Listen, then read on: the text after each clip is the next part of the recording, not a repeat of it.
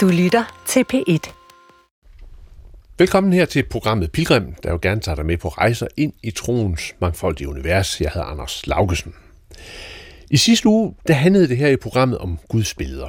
Jeg talte med biskop Thomas Reinhold om hans billede af Gud, og egentlig så havde jeg planlagt, at lektor Lars Sandbæk også skulle give sit bud på et billede af Gud ind i samme udsendelse. Men da jeg sad og klippede det hele sammen, så kunne jeg mærke, at det vist blev for meget teologi i løbet af en enkelt time, så derfor så blev det delt op, og så er det i dag blevet Lars Sandbæks tur til at dele sine tanker om Gud.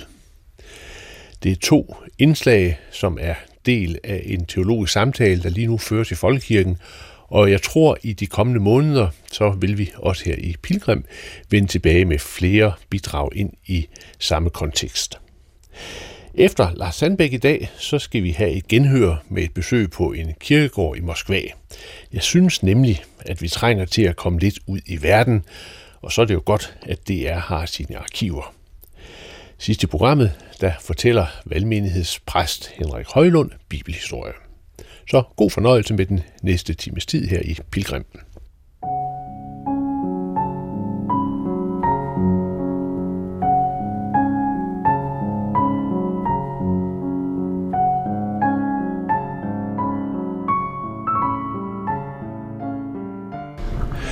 Lars Sandbæk, hvordan ser dit billede af Gud ud?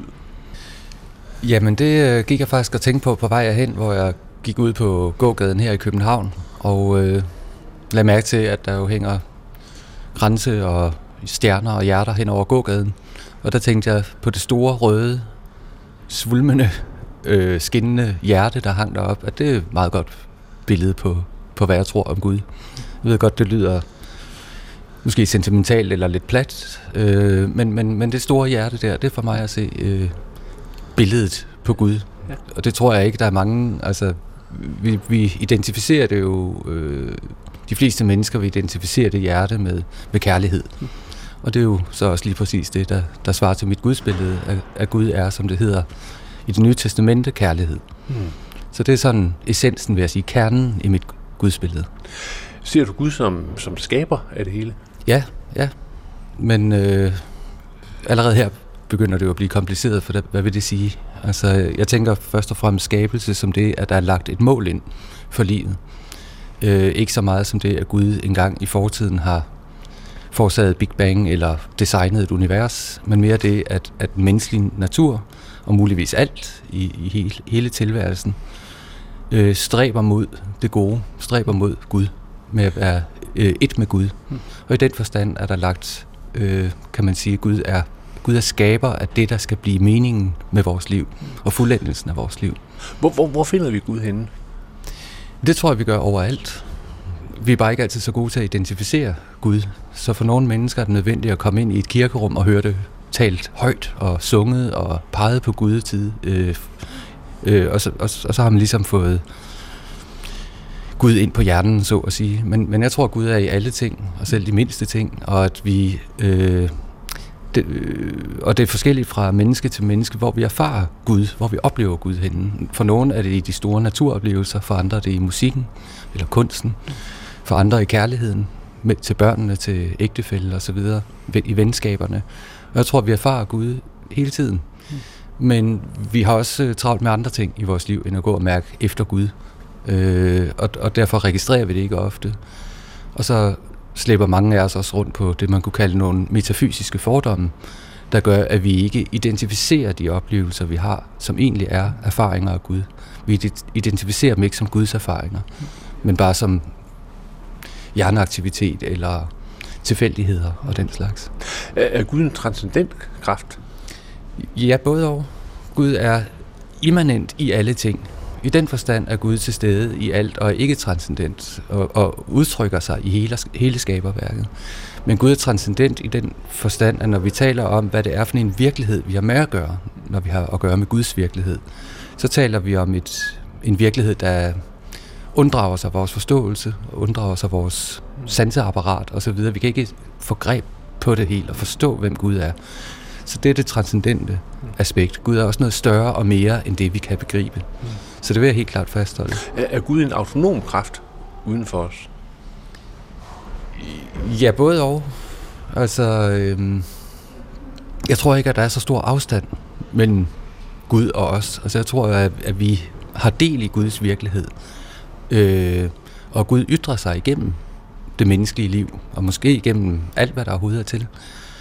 Øhm, men jeg tror ikke, at Gud, for at være Gud, har behov for en verden. Altså jeg tror, Gud så at sige godt kunne være Gud, uden at verden eksisterede. Men så vil han være en anden Gud, end den jeg tror på. Så vil han være en Gud, der ikke er kærlighed. Fordi i min forståelse af Gud, øh, har Gud skabt verden af ren og skær kærlighed. Ikke fordi Gud har behov for verden, men for at skænke noget, der, der er godt til nogle andre. Øh, så, så det er sådan lidt en teknisk øh, diskussion. Ja, Gud kunne godt være Gud uden en verden. Mm. Men så vil det ikke være en Gud, som er kærlighed. Mm.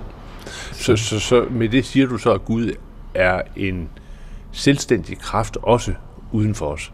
Ja, også uden for os. Ja. Det er ikke, jeg, jeg vil ikke reducere Gud til øh, vores egen følelsesliv eller vores egne handlinger. Altså jeg mener, Gud er en selvstændig kraft uden for os øh, og mellem os, mm. som binder os sammen, og som øh, vi erfarer, når vi erfarer det gode i mm. livet. Så erfarer vi den kraft bryde ind i vores liv. Er, er Gud en kraft, øh, som virker på forskellige vis, som man kan sætte øh, nogle forskellige hvad skal vi sige, tillægsord på, øh, eller er Gud en øh, personlig Gud? Jamen, jeg tror ikke, der er nogen modstrid mm. der. Altså, øh, men, og, og det er jo her, hvor Guds transcendens kommer ind i billedet, for når vi taler om Gud som en person, så bruger vi jo udtryk, vi kender fra vores egen erfaringsverden, øh, og overfører det på Guds virkelighed. Mm. Men jeg tror ikke, Gud er en person på samme måde, som vi er, med et begrænset intellekt og nogle moralske forpligtelser at leve op til osv. Øh, men jeg tror, at Gud er en evig og uendelig bevidsthed, som ligger til grund for alt, hvad der er til at ytre sig, og er til stede i alt, hvad der er til. Øh, og bevidsthed kender vi jo fortrinsvis fra personlige mm. Jeg ved ikke, om dyrene har og så videre, men, men vi kender det i hvert fald fra os selv. Så derfor må vi per analogi slutte os til, at hvis, hvis Gud ikke bare er en anonym, upersonlig naturkraft, men har øh, intenderer noget, vil noget med os, så er der fordi, der er en eller anden form for personlig væren mm. i Gud. Har Gud en plan? Ja, jeg går ud fra, at det er, altså normalt har vi jo tit i vores øh, vesterlandske tradition tænkt, at Guds plan var at skabe en verden. Og så blev han færdig med det, og så var det godt. Men så gik det galt, ikke? og så, så begik Adam og Eva en overtrædelse i, i paradisets have, og så bliver den kriminelle handling, så at sige, drivkraft, his, den historiske drivkraft. Det, der sætter, skaber en historie i verden. Hmm. Gud skaber en verden, og alt var godt, men synden kommer ind i verden, og så får vi et forløb, hvor Gud så skal til at gribe ind og redde øh, de sørgelige rester af det forliste projekt. Hmm. Men i min forståelse, der, der er Gud i gang med at skabe en verden. Målet er Gud er i gang med at skabe Guds Gudsriget. Det er, det er Guds ultimative projekt og formål med det hele. Og vi er på vej. Øh, øh, set i vores tidslige perspektiv, vi lever i tiden og forstår i fortid, nutid og fremtid, der ligger det ude i fremtiden. Men hvis Gud er evig, og dermed altså i, bety- i betydningen transcenderer tiden, ikke er i tid og ikke øh, erfarer tid, som vi gør, så tror jeg, at Gud så at sige i sin egen bevidsthed har skabt Guds rige. Hmm. Men det er, hvor, vores liv halter lidt efter, men det er den, vi er rettet mod det Guds rige, Gud har skabt. Hmm. Så det er Guds store projekt, Guds store formål, det er at skabe et Guds rige. Og det er han øh, ikke færdig med. Er, er, er Gud almægtig?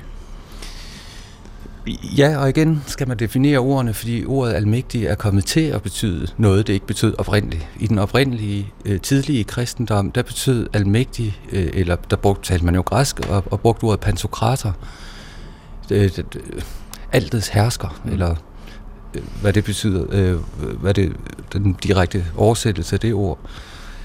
Og det forstod man på den måde, at Gud er den, der øh, den to, absolute magt, der giver virkelighed, giver eksistens til alt andet. Altså, man kan sige det på en anden måde. Øh, Gud er den, der opretholder hele verden. Og i den forstand er Gud almægtig.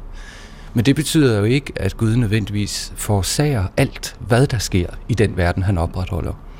Her skældner man sådan lidt teknisk mellem øh, den første årsag og sekundære årsager. Gud er den første årsag i betydningen, den der opretholder en verden, og uden hvis opretholdende aktivitet, der ikke vil være noget som helst til. Mm. Men inden for den verden, Gud op, opretholder, er der plads til sekundære årsager, altså årsager, handlinger på et andet niveau, mm. og dermed en relativ autonomi inden for den skabte verden. Det vil sige, at vi mennesker kan have en vilje, og naturen kan udvikle sig af nogle veje, tilfældige øh, veje, som ikke er forårsaget af Gud, men, men som ikke kunne være der, uden at Gud gav dem kraft til at være til. Mm. Så Gud er almægtig i den forstand, at uden Guds kraft vil der ikke være noget til overhovedet. Mm. Så vil der kun være Gud og intet. Mm. Men fordi Gud giver væren til det, der er, kan der være, eksistere en verden, og inden for den er der masser af andre magter. Mm. Man kan også sige det på en anden måde, at øh, Guds almagt tænker jeg dels som det, at Gud opretholder en verden, dels som det eskatologiske mål, altså den, den fuldendte verden. Det er der, hvor Guds vilje ubetinget vil ske, som vi også beder i fader, hvor ske din vilje, mm. øh, komme dit rige, ske din vilje som i himlen, således også på jorden. Altså bønden forudsætter, at Guds vilje endnu ikke sker fuldt ud. Mm. Men når vi kommer til det punkt, hvor Guds vilje sker fuldt ud, så er Gud almægtig. Mm. Så er der ikke andre viljer, mm. onde viljer, eller syndige viljer, eller hvad vi vil kalde det. Kan, kan Gud gribe ind sådan for andre ting på mirakuløs vis? Det vil jeg ikke øh, udelukke. Øh, men min store anfægtelse er, øh, i den sammenhæng er ikke så meget sådan, hvad kan man sige, det, det teoretiske spørgsmål, om Gud kan eller ikke kan. Det er mere det erfaringsnære spørgsmål, eller anfægtelse, der handler om, at han ikke gør det. Altså, at, at vi så tit kan konstatere, at det ikke er tilfældet. Og derfor vil jeg være meget forsigtig med at drage nogle konklusioner i forhold til, om, om, om Gud kan gribe ind og fysisk, altså forårsage fysiske mirakler. Jeg mærker, at Gud griber ind på en anden måde, som en, en inspirationskilde, som en motiverende kraft, som et håb osv. Så, så er det, du siger, at Gud har lagt skabelsen, den fremadskridende skabelse i vores hænder? Han insisterer i hvert fald på, at vi skal være, øh, at vi er frie, mm. og vi har en frihed. Øh, vi har øh, en, en frihed til at vende Gud ryggen. Det tror jeg så ikke, vi kan blive ved med for evigt. altså, Gud skal nok sørge for at få os hjem på en eller anden måde. Men både vi og, og skaberværket, er, i både os og i skaberværket, er, er der indlagt en autonomi, en relativ autonomi, som gør, at, at det kan udvikle sig mm. på måder, som, som ikke var en del af Guds plan. Mm. Og der, der er det kristne håb knyttet til, mit håb også knyttet til tanken om, at, at, at den kærlighed, som Gud er i sit væsen, vil vise sig at være stærkere end alle de andre magter, der er sluppet løs. Mm. Nu siger du han. Ja, det, det er jo en gammel vane. Det er ikke, fordi jeg opfatter, at Gud har et køn. Mm. Øh, sådan tænker jeg slet ikke om Gud. Jeg, jeg tænker, at Gud er en, kønsløs væren, eller øh, mand og kvinde på samme tid, hvis vi endelig skulle, mm. skulle sige det hermafroditisk. Øh, og og øh, ud fra mange af de billeder, jeg selv har af Gud, der, det er faktisk meget feminine billeder, som vi også kender fra det nye testamente, nemlig det, at, at vi er, alt skabt er i Gud. Mm. Hvor Gud altså bliver karakteriseret som en, et æg eller en livmor, og alt, hvad der er til, hele universet, er inde i Gud forstået nærmest som et foster, der henter sin næring og får sin livskraft fra Gud, der omslutter og, og griber ind i det hele. Mm. Øh, og det er et feminint billede på Gud, vil jeg sige. Hvordan er forholdet mellem Gud og mennesket? Dømmer Gud mennesket? Øh, ja, men, men hvad betyder dom? For mig der er dom øh, en, en måde, Gud frelser os på. Altså, øh, dom betyder for mig øh, altså det græske ord krisis, øh, der bruges i det nye testamente, kan betyde at gøre et skæld. Altså at, at Gud sætter et skæld ind i, i os øh, og, og, og hjælper os med at udrense mm. alt det, der ikke er kærlighed. Og, og det er dom. Og, og, og det kan vi allerede, øh, der skal vi være medarbejdere på den domsproces allerede det her liv, og så kæmpe imod alle de kræfter i os, der øh, er, er fjendtligt stemt over for kærligheden. Øh, og i sidste ende tror jeg, at inden vi bliver fuldt ud forenet med Gud i det hinsides, øh, vil der være øh, noget i os, der bliver renset ud. Mm. Øh, der er et mørke, der ikke kan tåle lyset, som skal, som skal væk i os. Og, og det er for mig dommen. Kan mennesket gå fortabt i den proces? Ikke hvis dommen er Guds. Hvis, hvis, hvis dommen er den Gud, hvis væsen er kærlighed, så, så kan vi aldrig gå fortabt. Mm. Men vi kan fortabe os selv øh, sådan relativt i den proces. Mm. Øh, fortabelsen og helvede og, og så videre, det, det erfarer vi jo allerede nu. Ja. Det er alle de steder, øh, hvor øh, livet og kærligheden bryder sammen i tilværelsen. Der erfarer vi det kærlighedsløse helvede, som vi skaber for os selv. Mm. Men helvede er ikke, øh, eller fortabelsen er ikke en virkelighed, Gud har intenderet for nogen af os. Det er det, han er kommet for at han griber ind i vores liv for at frelse os fra det helvede. Altså, øh, der må jeg sige, at jeg har et ekstremt entydigt gudsbillede. Øh, og det er nok der, hvor, hvor jeg er mindst fleksibel i mine teologiske tanker. Det er, at, at jeg kan ikke gå på kompromis med entydigheden i gudsbilledet. At Gud entydigt er god. At Gud entydigt vil det gode. Så der plejer jeg at blive sådan en lille smule øh, kritisk, når jeg støder på gudsbilleder, der indfører tvetydigheder i Gud. Så, så alt det, der er mørke, alt det, der er ondt, det er øh, noget, der er ikke Gud? Ja, det, det er ikke Gud. Det er et fravær af Gud, vil jeg sige. Altså det er der, hvor Gud... Øh, og, og, og det bliver, kan nemt blive meget spekulativt, men, men det onde er fravær af Guds nærvær. Hvor, hvor kommer Jesus ind i det hele? Jamen, det er jo på grund af Jesus, at jeg overhovedet kan sige alle de her ting. Øh, blandt andet. Altså, fordi øh, jeg tror, at øh, jeg selv har mange kilder. Øh, mit, mit eget gudsbillede har mange kilder. Mm. Øh, det folk, jeg har talt med, det er mine egne erfaringer og følelser og så videre. Det er mennesker, der har påvirket mig. Det er den lange teologiske tradition, jeg har beskæftiget mig med. Det er de bibelske tekster og så videre. Men det hele peger ligesom tilbage på det, øh, måske særligt første Johannesbrev i det nye testamente, hvor det gentagende gange siges, hvad det er, vi har hvad Kristus har vist os og lært os om Gud, nemlig at Gud er kærlighed. Mm. At Gud er lys, og i ham er der intet mørke. Det er igen den ensydighed, mm. jeg er tiltrukket af i kristendommens gudsbillede. Så, så det er Jesus, der det, det er på grund af, at Jesus har været her, at vi vi kan ikke slutte os til, ud fra vores egne erfaringer i verden, at Gud entydig er kærlighed. Mm. Fordi hvor verden er for tvetydig til det. Men det er den kristne tro, sige, der kommer ind der. Det, det er på grund af åbenbaringen i Kristus. Der har Gud åbenbaret, at han entydig er kærlighed. Mm. Så uden Kristus vil jeg ikke uh, kunne sidde og sige noget af det, jeg har sagt, tror jeg. Er der øh, med korsfæstelsen en øh, offertanke, en son-offertanke i forhold til Gud, eller hvad er korsfæstelsen? Ja, det er der jo nogle traditioner øh, øh, i kristendommen. Der er jo nogen, øh, man har udviklet nogle forestillinger om, at Jesus skulle betale en eller anden gæld tilbage til Gud, som vi mennesker skyldte Gud, og så videre, eller et æresdrab var det måske i virkeligheden. Øh, Kristus skulle tage den vrede straf, som Gud havde tiltænkt menneskeheden osv. Men der trækker jeg mere på de traditioner i kristendommen, der ser øh, korsfæstelsen som et justitsmord, ikke en del af Guds plan. Altså Guds plan er at træde ind i vores virkelighed for at forene det guddommelige og det menneskelige med hinanden. Og, og der er Gud villig til at gå hele vejen for at det projekt skal lykkes. Også når hans, øh, øh, hans egen søn bliver udsat for lidelse, så, så stopper han ikke sin tilnærmelse til os.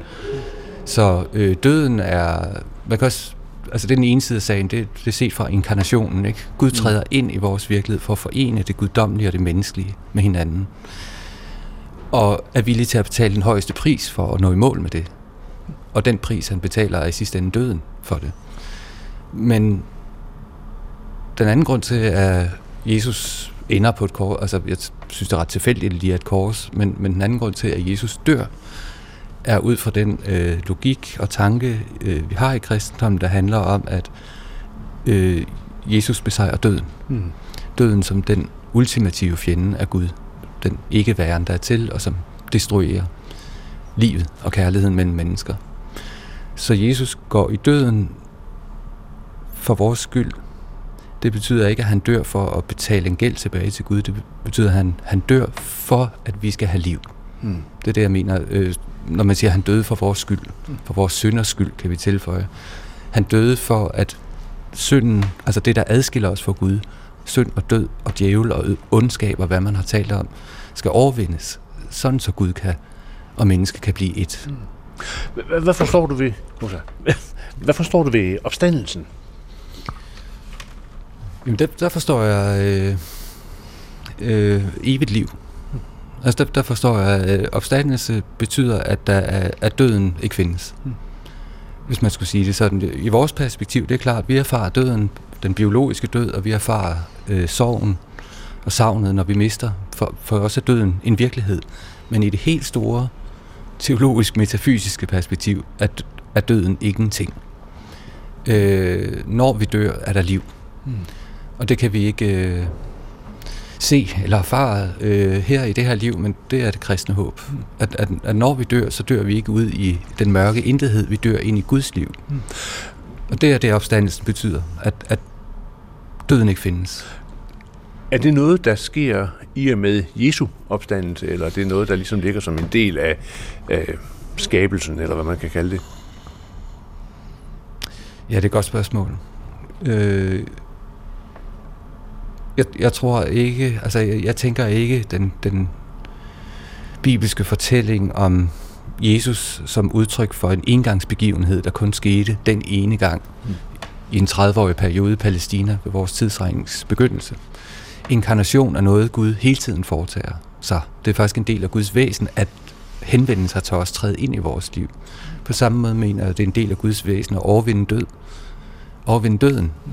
Og det tror jeg, da, øh, at Gud altid har gjort. Jeg tror, at de mennesker, der levede før Jesus, ikke er døde ud i intetheden, mm. men er døde ud i Guds eget kærlige liv. Mm. Og er blevet forenet med Gud allerede der. Men det øh, har vi ikke, man kan sige, Kristus åbenbarer, at det forholder sig på den måde. Mm. Så der tilhører øh, i høj grad måske den johannæiske tradition i den nye testamente, der lægger stor vægt på, at, at det Jesus først og fremmest er kommet for, det er for at åbenbare sandheden om Gud og mennesket og verden. Hvad forstår du ved det udtryk, øh, Guds enborne søn? Ja, det er jo et, et mytisk klingende udtryk for, at den Kristus, den Jesus, der, der Altså, Guds søn opfatter som et mytisk udtryk for Guds nærvær, mm. Guds tilstedeværelse i verden, eller Guds immanens, kunne vi også kalde det. Ikke så meget som det, at Gud avler børn, eller i bogstavelig forstand har et barn. Men øh, Kristus er, øh, jeg, jeg vil nok snart foretrække et lige så gammelt udtryk, nemlig det, at Kristus er, eller Jesus er Guds øh, fuldkommende billede.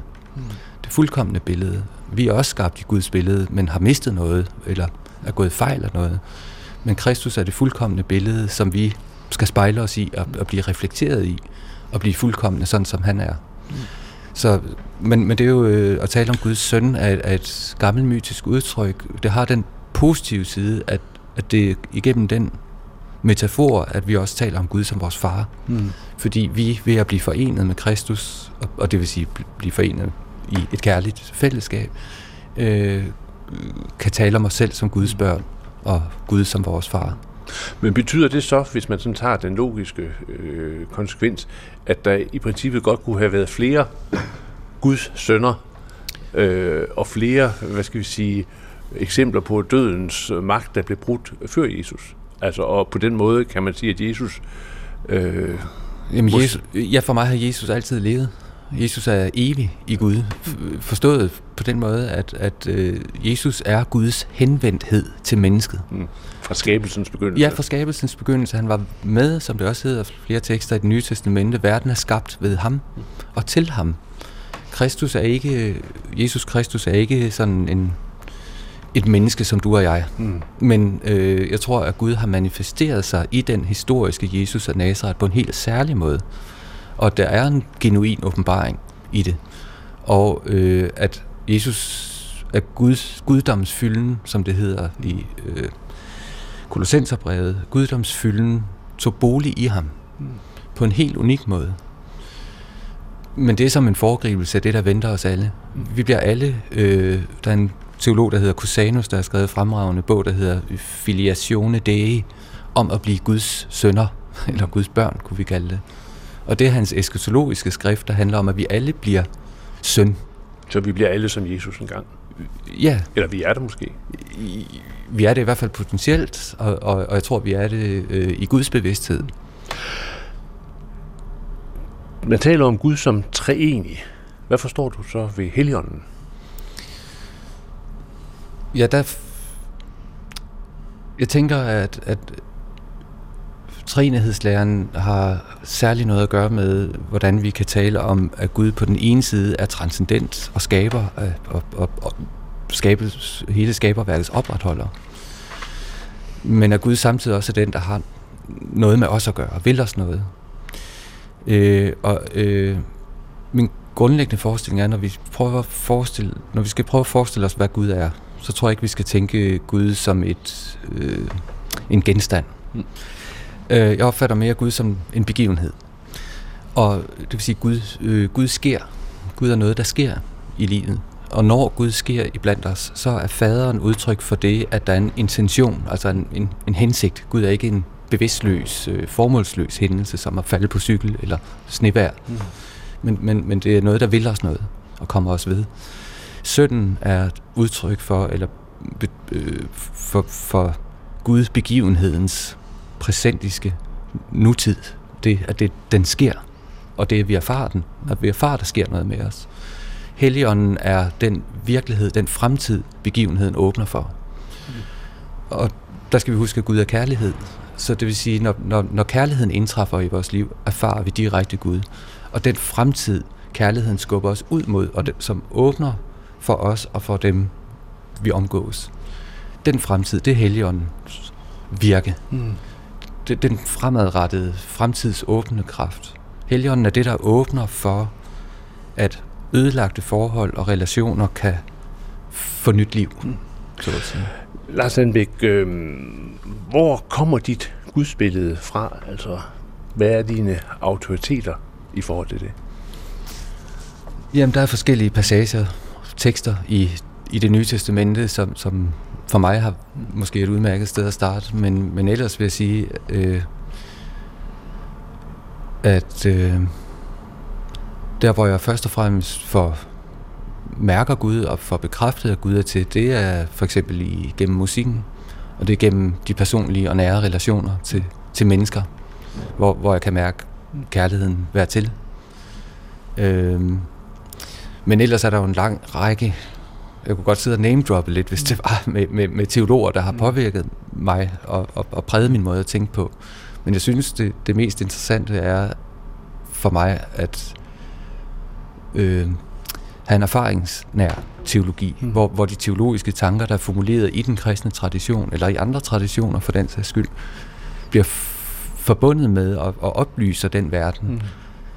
jeg lever i og erfarer, så det ikke bliver en det, man kunne kalde en ren påstandenes teologi, mm. hvor man postulerer en masse om Gud. Mm. At Gud er sådan og sådan og sådan og sådan. Og, og, og det har vi også en tradition for i teologien. At have en meget abstrakt, spekulativ, postulerende teologi. Jeg vil gerne gøre Gud meget erfaringsnær.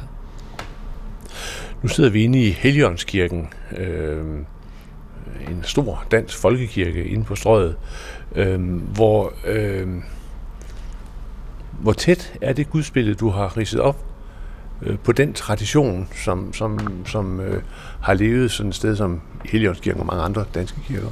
Ja, som en øh, protestantisk kirke, der vil jeg sige, at, at mit gudsbillede adskiller sig væsentligt fra, fra nogle af de centrale træk ved det typisk vesterlandske gudsbillede, både i den katolske tradition, før vi fik reformationen, og i den reformerede og protestantiske tradition. Øh, og der, hvor den mest adskiller sig, det er spørgsmålet om Guds entydighed kontra Guds tvetydighed. Fordi i, i, i, den, øh, i lutherdommen er Gud ekstremt tvetydig. Øh, hvis der er én ting, Luther ikke kan sige om Gud, så er det, at Gud er kærlighed. Han kan nogle gange postulere, at Gud er kærlig, eller noget af den stil, men, men han mener noget andet. Eller han mener, at Gud er kærlig over for dem, han har udvalgt til frelse, for eksempel. Det er en meget selektiv kærlighed. Det er ikke kærlighed, det er favoritisme eller noget af den stil. Gud er sådan en aristokrat, der har nogle favoritter, som han gerne vil gøre noget godt for. Alle andre øh, ender med at blive tortureret for evigt i helvede. Eller Luther kan sågar sige, at, at Gud kan finde på, øh, Gud har i Kristus givet menneskeheden alt, hvad vi har brug for for at blive frelst. men alligevel kan Gud finde på at gå ind og aktivt og forstyrre nogle mennesker, så de ikke vil tage imod hans frelsende noget, og dermed går fortabt. Det er altså Gud, der aktivt går ind og gør djævelens arbejde for at føre mennesker på afveje. Og de tanker, der er der i Guds billede, det indfører en så voldsomt, altså hvor Gud bliver en total utilregnelig, utilregnelig øh, tyran. Øh, lige, lige på det punkt, der har jeg i hvert fald meget svært ved at følge min egen tradition. Der er også en tendens til i vores øh, statskirke monopoliserende måde at forholde os til religion på, at vi gerne vil reservere Guds erfaring og Guds nærværet til kirkerummet. Mm. Altså en form for matrikelfundamentalisme, plejer jeg at kalde det. At, at inde i kirken, der kan du være sikker på at møde Gud, men udenfor, nej nej. Der er jeg meget mere inspireret af sådan, nogle, øh, sådan en teolog som Meister Eckhart, en, en mystiker i middelalderen, som, som sagde, at Gud er i det hele, ikke også? Og, og erkende Gud i, og kunne se og finde Gud i de mindste ting, en snegl eller en myre, det er langt bedre end at kende en engel, siger han. Og, og det der med at kunne lære at se en anden af mine favorit ældre yndlingsteologer er Isaac af Nineve, der levede i 700-tallet. Og han, hans, store, hans vision er, at det at være kristen, det at være kristen, det er at lære at se alle ting og alle mennesker som gennem Guds øjne. Og det, det er ikke noget, der skal foregå i kirkerummet som sådan. Herinde er det et fællesskab, vi har, og, og kan bekende en nogenlunde fællesartet tro og tale om Jesus og synge salmer, og jeg elsker at gå i kirke nogle gange. Men, men selve vores, den kristne grundtanke er, at Gud er alles Gud, og Gud er nær ved alle mennesker og alle skabninger. Det er indbegrebet også af nytestamentlig kristendom og gudsbilledet i det nye testamente. Men det har vi fortrængt i vores tradition. Vi har monopoliseret Guds nærværet til noget, der kun kan formidles af kirken, eller i gudstjenestens sammenhæng.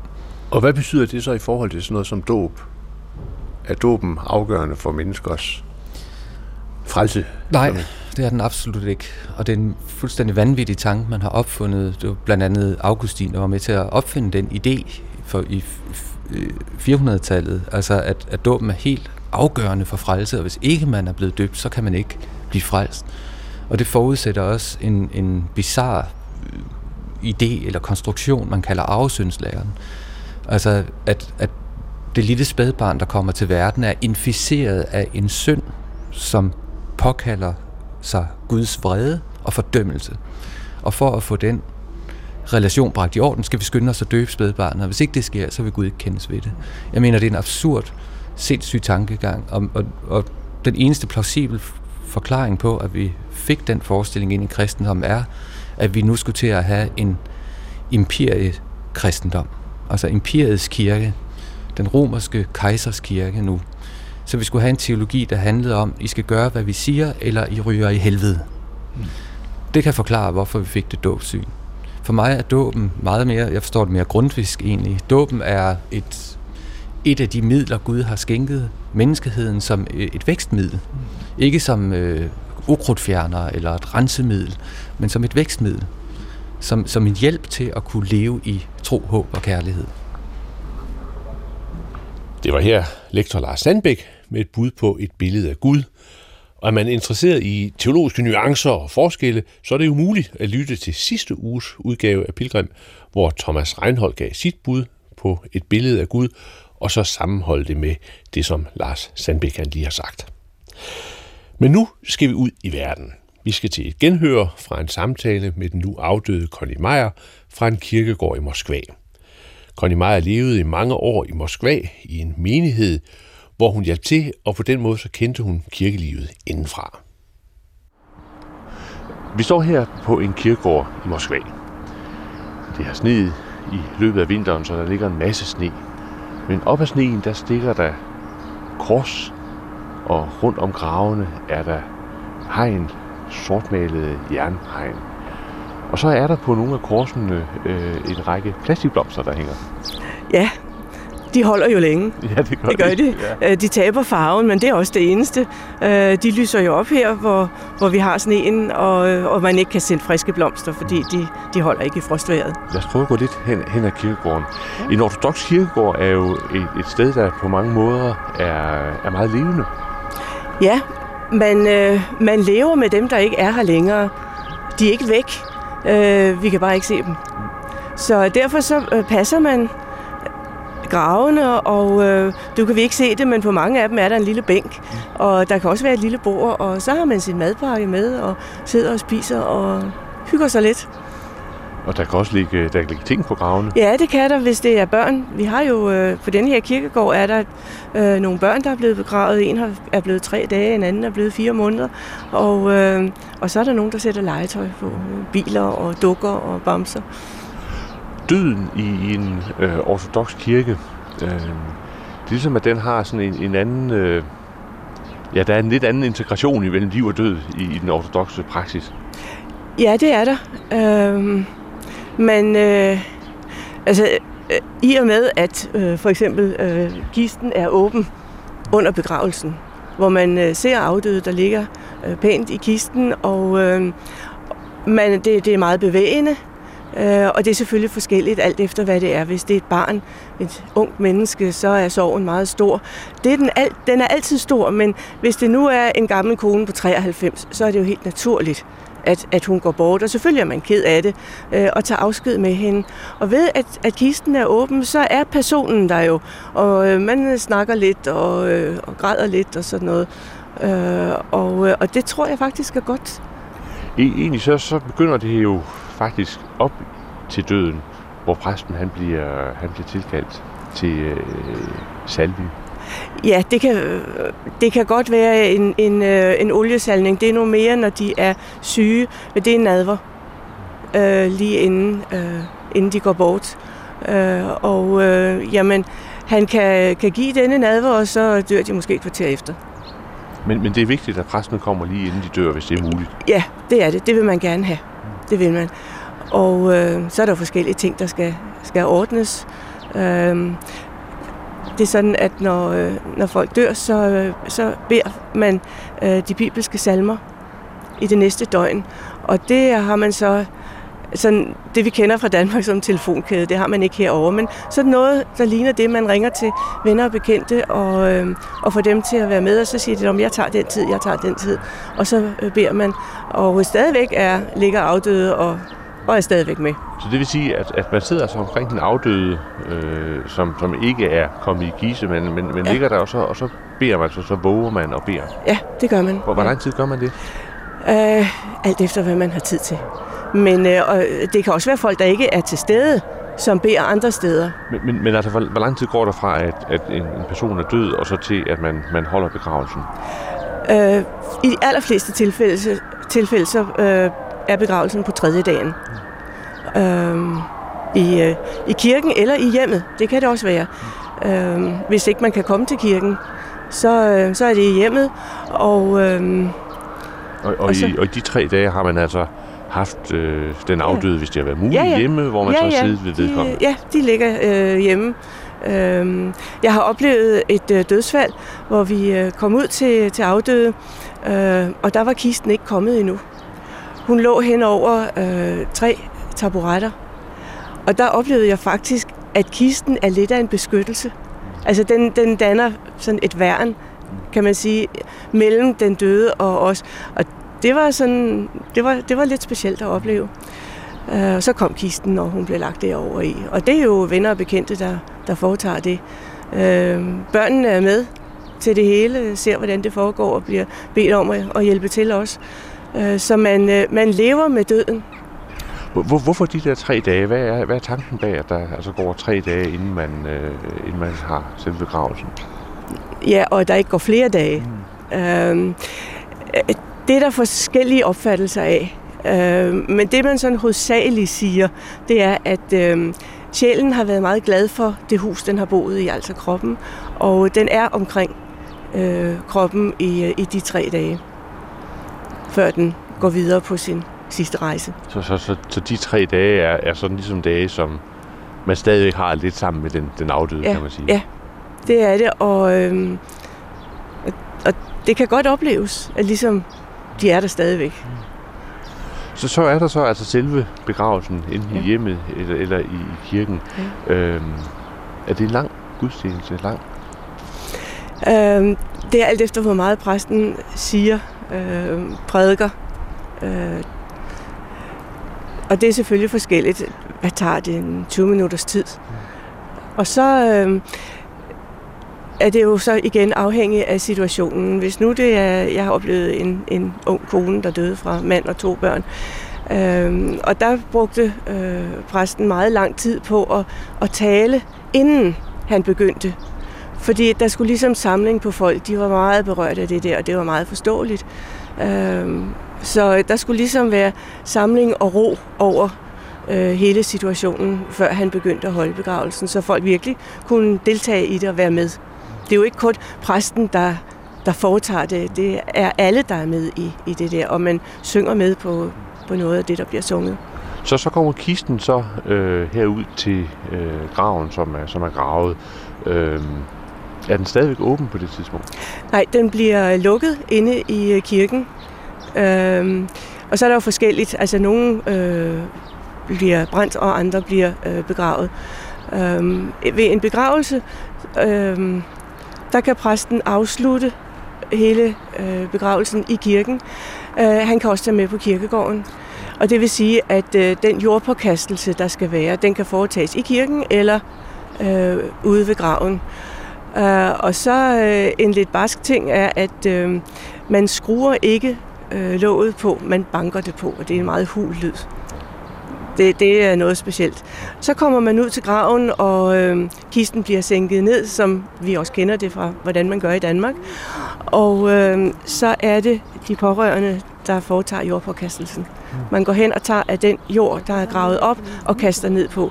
Og det er også en, en lidt barsk, fordi øh, ofte er det sådan lerklumper, man kaster ned.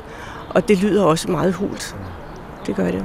Så øh, jeg tror, at øh, det hjælper meget i sovebearbejdelsen, at man er så aktiv, og man får lov til at se afdøde lige til det sidste.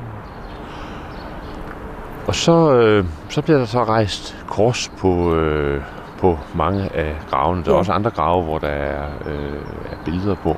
Men, men det ortodoxe kors er jo øh, anderledes end, end, end det kors, som vi kender hjemme ved det, at det har en, øh, en tværbjælke for neden. Ja, øh, det har en kort for oven og en længere for oven, og så har det en skråtstillet øh, for neden. Og øh, den allerøverste, det er der, hvor øh, navnet, øh, Jesu navn stod. Og så er det, hvor armene var, og det nederste, det er fodstøtten. Og den, ja, den er så placeret skrå? Den er placeret på skrå, sådan for at, at illustrere, at øh, det var en, en træplade, der gik ud fra korset, hvor fødderne øh, hvilte på. Mm. Øh, der er de her meget primitive øh, metalkår, som er, de ruster hurtigt, og der er øh, navn på, og øh, fødselsdato og, og øh, dødsdato på. Og det er et øh, kors, der bliver rejst fra kirkegårdens side, sådan at man ved, hvem der er der. Mm. Så er der ofte, øh, når graven er, bliver dækket til, så øh, er den forhøjet, ligesom en katafalk ovenpå. Og der bliver alle blomsterne så lagt på, og et billede. Et stort, sort-hvid foto af afdøde. Uh, og så får man så siden hen uh, rejst det mindesmærke, man gerne vil. Og det kan være et uh, trækors, som vi har herover, og uh, det kan være en mindesten med uh, navn og et uh, billede. Og, og de er sådan af nyere dato. Herover har vi uh, af ældre dato med sådan emaljeret uh, foto af, af afdøde. Så, øh, så er der nogle øh, efterfølgende gudstjenester. Ja, øh, der, er, øh, der er to former for, for gudstjenester for afdøde. Der er selve begravelsen, øh, som er en adbivanje, og så er der en panihida, som er en, en gudstjeneste for afdøde, når de er blevet begravet. Og øh, det holdes, beder man gerne om at få øh, på 9. dagen og på 40. dagen og så på årsdagen. Og derefter så kan det være på fødselsdagen og på dødsdagen. Øh, det kan være på en bryllupsdag også, øh, og på navnedagen. At, øh, at man markerer personen og beder for, at de må hvile i fred der, hvor de nu er. Men man har altså en, en række sådan, mindegudstjenester, som sådan set ligger i, i et schema inden for det første år. Ja, det har man. Og, øh, og det har selvfølgelig en skal vi sige, en religiøs, åndelig betydning. Og, øh, og så har, ligger der jo også en, en social øh, øh, begivenhed i det, at man øh, mødes og taler om afdøde og fortalt om, øh, hvad gør vi nu? Øh, hvordan er den sociale situation øh, for de efterladte? Der er noget, der skal ryddes op i og fjernes og sådan noget. Og det, det får man så gjort på, på de dage. Øh, jeg var på øh, øh en ortodox kirkegård øh, lige efter påske, og det var meget interessant at se, hvordan øh, der blev spist påskemåltid på kirkegården sammen med de døde. Ja, ja for man, man lever jo sammen med dem, og det kan man også, når folk, øh, nogen kommer langvejs fra, nogen kommer ikke så langt fra, men øh, om foråret og sommeren, hvor vejret er godt, så tager man sin madpakke med, en termokande med te, og øh, så sidder man og hygger sig. Men, men, men der i påsken, der var det karakteristisk, at der lå påske, æg eller skaller, og så lå der hvidekorn. Ja. Øhm, og det er jo to, to, to symboler, der hører til i påsken. Altså, det var ikke bare et måltid, man sad og spiste, men der var også nogle symbolske, øh, ja. Ja, øh, ja, nogle symbolske ingredienser for, at øh, nu er det påske. Og det kan man se, altså inden påske, så kommer folk rydde op på gravene.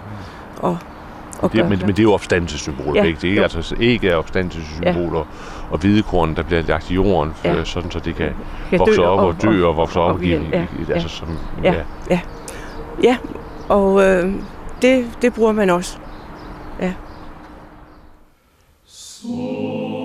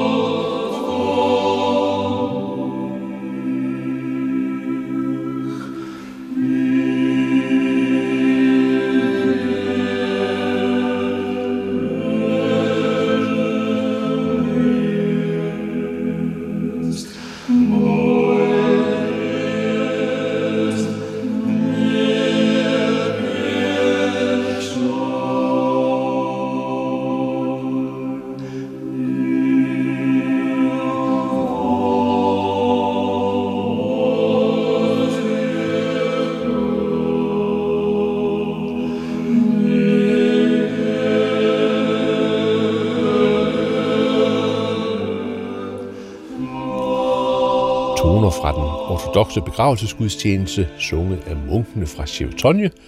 Det sluttede besøget på en kirkegård i Moskva med nu afdøde Conny Meyer. Og så skal vi have bibelhistorie med valgmenighedspræst Henrik Højlund, fortalt til Malene Finger Grøndal. Henrik Højlund, du er teolog, og du er valgmenighedspræst i Aarhus Bykirke. Og du er en rigtig god fortæller, og du har øh, lovet at give os nogle genfortællinger af forskellige bibelhistorier. Du har genfortalt to fra Gamle Testamente, og nu er vi nået til Nye Testamente, hvor du har valgt en øh, spændende fortælling. Hvad er det for en? Jamen altså, der er jo simpelthen så mange spændende fortællinger i det nye testamente, og ikke mindst jo om, om Jesus. Øh, der er hele fire øh, evangelier, som det hedder. Øh, Markus, Lukas, Matthæus og Johannes, som øh, fortæller om Jesus. Og det er jo propfuld af fortællinger om alle de under og mirakler, Jesus gjorde. Den ene efter den anden helbredelse af håbløst syge, og endda et, nogle få fortællinger om dødeopvækkelse. Det, det er så radikalt og vildt. Men Johannes, evangelisten Johannes, han fortæller, at det første mirakel, Jesus gjorde, det var, at han lavede vand til vin til et bryllup. vand til vin. Som om det kan måle sig med noget, der er altså i vores øjne ufattelig meget mere livsnødvendigt, nemlig helbredelser. Men vi har altså en historie her om Jesus, der bliver inviteret sammen med sine disciple øh, og sin mor og Maria til et bryllup i den lille by Kana, op i øh, nord, den nordlige del af Israel, Galilea. Og øh, der er de så sammen der, og jeg forestiller mig, at hele byen er, er samlet. Øh, sådan, sådan et sted, der ikke til fest og farver, og der bliver spist, og der bliver drukket grundigt igennem, og så grundigt, at vinen på et tidspunkt er sluppet op. Og det er jo bare simpelthen så pinligt. Det er så pinligt. Man kan forestille sig det også ved et bryllupsfest i dag, at hvis pludselig ja, så er der ikke mere mad, og folk sidder bare og kigger, eller, eller vin, eller drikkelse. Altså. Øh, det må bare ikke ske. Så får Jesu mor en tanke. Hun går hen til Jesus og så siger hun bare til ham, der er ikke mere vin, Jesus. Jesus svarer hende faktisk sådan lidt afvisende. Kvinde, altså, jeg, der, det, jeg skal ikke noget nu. Slut. Men øh, hun opgiver ikke tanken. Hun går simpelthen hen til tjenerne bagefter og siger, I skal, I skal gøre, hvad Jesus siger til jer. Uanset hvad han siger, skal I gøre det. nu er situationen den, at der i sådan en by der, som der var det rundt om i alle israelske byer, så, så var der sådan nogle vandkar, som blev brugt til sådan nogle jødiske renselsesritualer. Og øh, i den her Kanaby, der var der seks store vandkar. Det var de var store. Samlet set, så snakker vi om noget, der ligner 600 liter.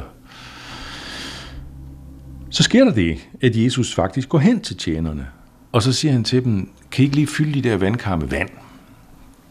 Men det gør de jo så, fordi hans mor har jo sagt, at de skal gøre, hvad han siger. Så det gør de. Og da de så har gjort det, så siger han, prøv nu at øse noget op af det her, og så bærer det over til ham der, der serverer vinen. Hmm, der gør de det. Og han står derhen, han har ikke set, hvad der skal. Han har ikke set noget, Jesus har sagt noget, men han modtager bare de her, sådan, ja, det her vin, som det er blevet til, og han smager på det, for det skal han, inden han serverer det. Og det smager frygtelig godt. Han kan ikke forstå det. Så han tilkalder brudgommen, den ansvarlige for festen, brudgommen, og siger, hvad, hvad, hvad er det her for noget? Altså, det er en fantastisk vin. Og, og, og du ved jo godt, at man plejer altså at servere den gode vin først, og så kan man altid servere lidt dårligere vin bagefter, for det kan man jo ikke smage, når man har drukket godt. Ja, det ved brudgommen overhovedet ikke, hvad det handler om. Johannes, han ved øjensynligt, hvad det handler om. Han kalder det ikke bare for et mirakel eller et under, nej, han kalder det for et tegn. Et tegn, altså noget, der giver et vink om en dybere mening. Så hvad er det her for noget? Hvad er det et vink om? Ja, det er da et vink om, at inden Jesus for alvor tager fat på de nødstede med helbredelser i store mængder, og med dybe og vigtige samtaler og taler, og som det hele ender i det aller ja, vigtigste, det med korset og opstandelsen. Inden det, så giver han et tegn på, hvad det hele samlet set går ud på der går ud på den store, store glædesfest, bryllupsfesten. Den saligt fortryllende glæde og lykke, bryllupsfesten. Eller sådan som, øh, der kommer et ufatteligt mærkeligt og stærkt forvarsel om det allerede i Gamle Testamentet, 700 år før gennem profeten Esajas, hvor der står sådan her i, de, i en af hans kapitler øh, i Esajas bogen der, på dette bjerg skal herskers herre holde festmåltid for alle folkene. Et festmåltid med fede retter og lavret vin, med magfede retter og edel lavret vin. Så opsluges på dette bjerg sløret. Det slør, der ligger over alle folken, det dække, der er bredt over alle folkeslag. Døden opsluges for evigt. Gud Herren tørrer tårerne af hvert ansigt.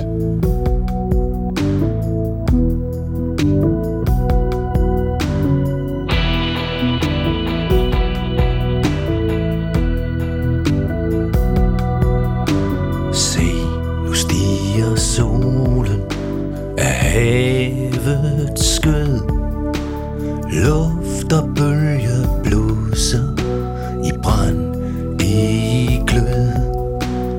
Hvilken salig jubel, skønt alt er tøst Mens lyset lander på verdens kyst.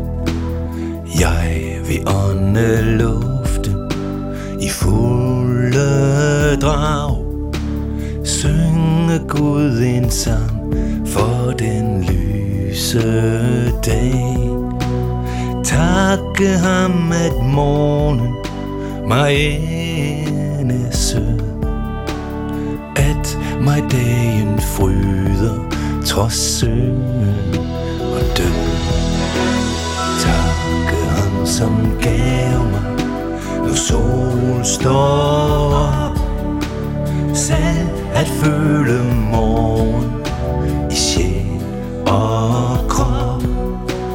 At al mørkhed svinder og sjælen rig Blot jeg trygt vil sige din vilje ske Og at jeg tør fagne dig skære dag. Kalde dig med navne Min sjæls behag Alle gode navne Som bedst jeg vil Moder, søster, elskede